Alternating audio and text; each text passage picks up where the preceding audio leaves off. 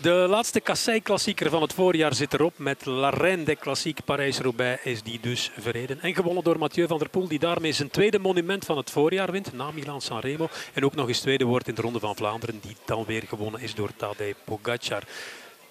Is Mathieu van der Poel de coureur van het voorjaar?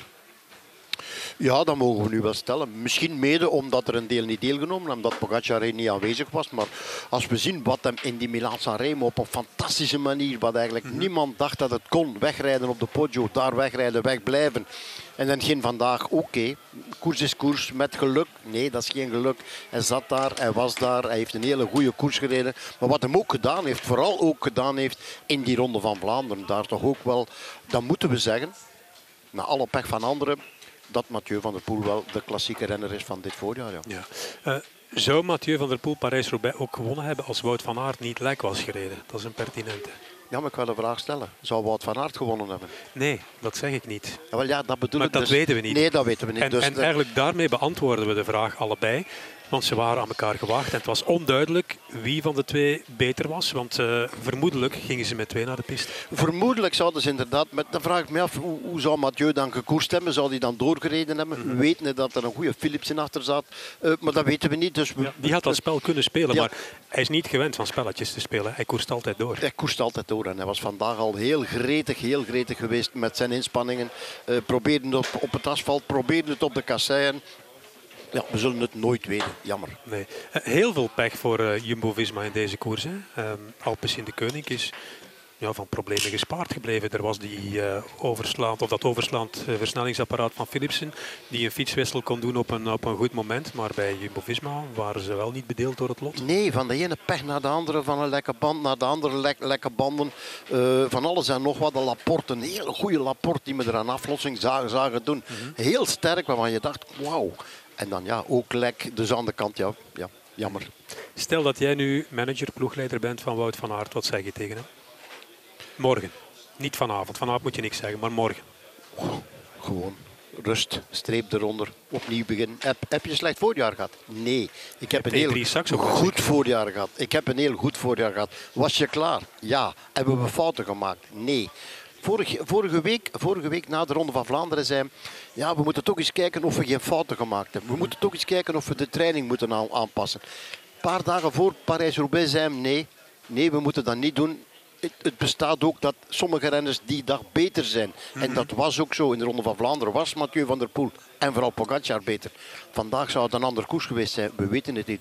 Maar ik, we gaan nu niet beginnen twijfelen aan wat, wat van Aert. Nee, absoluut niet. Eh, De uitspraak van Marijn Zeeman van eh, we willen een monument en die vijf andere koersen die, ja, die zijn niet zo belangrijk in vergelijking met die monumenten.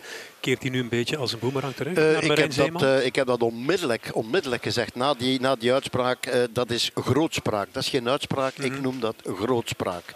En daar moet je altijd voor oppassen. En ik vind dat ook heel slecht respectvol naar die wedstrijden toe. Dat wil dus zeggen dat die organisatoren van Gent Pebergem dat die met niks bezig zijn. Dat die mensen van die drie Jarelbeke Saxo dat die met niks bezig zijn. Dwars door Vlaanderen dat die met niks bezig zijn. Nee, nee. Ja. Grote fout van Marijn Zeeman. Maar Misschien, misschien is die uitspraak ook wat uitvergroot en niet Tuurlijk, genuanceerd. Dat tuurlijk, kan ook, want we leven in de waan wint- van de dag. En, Als je vijf, vijf keer wint, dan heb je toch een geweldig voorjaar gereden. ja, tuurlijk. En pech. Super. Ja, in die zin is het moeilijk om eh, te kiezen wie nu de ploeg van het voorjaar is. Aan de andere kant, als je twee monumenten wint en eh, op die manier dominant bent eh, vandaag, dan eh, mag Alpes in de Koning die kroon misschien wel op het hoofd zetten. Als je bekijkt naar het, de, de- het team, naar de samenstelling, naar het budget, als we dat meenemen, Ja. dan zeg ik eh Alpes in de Koning. Ja, terwijl we zelf na het openingsweekend hebben gezegd, het is mager. Als, als dit ja, maar goed ja, komt. maar ze zijn, ze zijn op een andere manier het voorjaar ingedoken. Zij zijn niet op hoogte geweest. Er was een grote vraag eigenlijk Mhm. een beetje. Je moet van de tijden komen. Wil je eh, komen scoren? Dat mannen kwamen van de tijden naar beneden, de berg naar beneden. Bam, ik kwam, kwam hier alles wegrijden. Mhm. Oei, eh, zijn we dan toch fout geweest? Nee, die mannen hebben zich daar voorbereid op een andere manier. Laag trainen, op hoogte slapen. En dat blijkt nu ook wel een goede manier te zijn. Is dat de beste manier? Nee, want die mannen van Jumbo winnen wel vijf grote koersen. Het is waar, ze hebben vijf van die voorjaarskoersen gewonnen.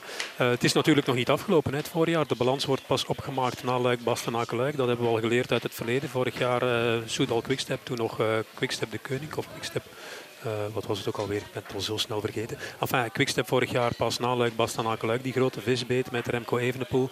Um, er komen nog een paar belangrijke koersen aan.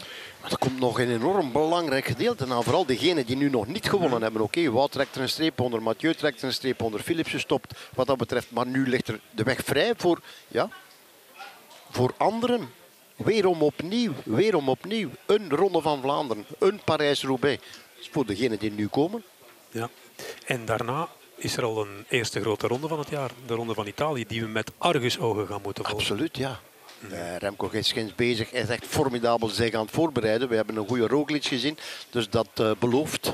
Ja. Het is natuurlijk verleidelijk om altijd maar meer in superlatieven te gaan spreken.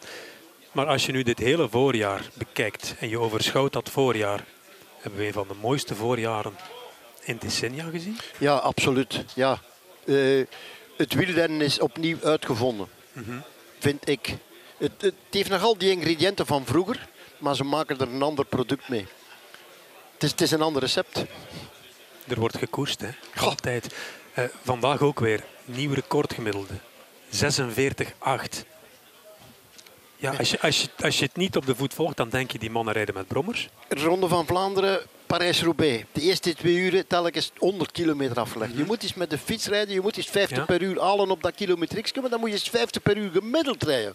Iedereen weet die met een auto rijdt, je denkt van ik heb 100 per uur gemiddeld gereden, blijkt dat je er maar 80 hebt. Ik weet het. Maar zij moeten niet stoppen aan de rode lichten en van uh, Compiègne naar Roubaix is meestal rechtdoor. Ja, allee. Je gaat nog een beetje minimaliseren. Nee, tuurlijk niet. Tuurlijk niet, maar het is, uh, het is ongelooflijk wat we, wat we aan het bekijken zijn soms, heb ik het gevoel. Absoluut. Mm. Oké, okay. we gaan uh, een pintje drinken zeker? Eén. In de rugbyclub? In de rugbyclub. Ja.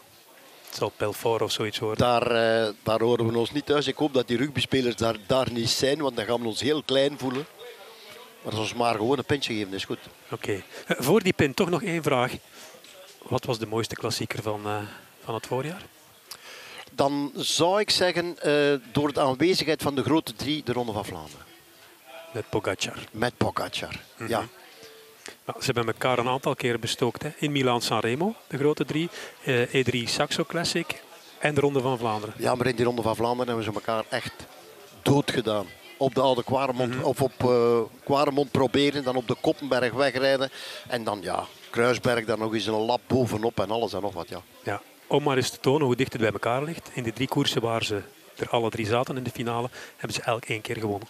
Dat is mooi hè? Fantastisch. Voilà. Bedankt Wout, bedankt Tadej en bedankt Mathieu. En u bedankt uh, om tot dusver heel massaal te kijken. Maar uh, we zijn nog niet klaar. We komen woensdag al terug met de Brabantse pijl. Dan de Amstel, dan de Waalse pijl en dan Luik, Bastenaken, Wij doen alles. Wij zijn zowel klimmer, sprinter, kassei, regen, koud, alles. Ja, het is genoeg nu. We gaan afsluiten. Tot de volgende.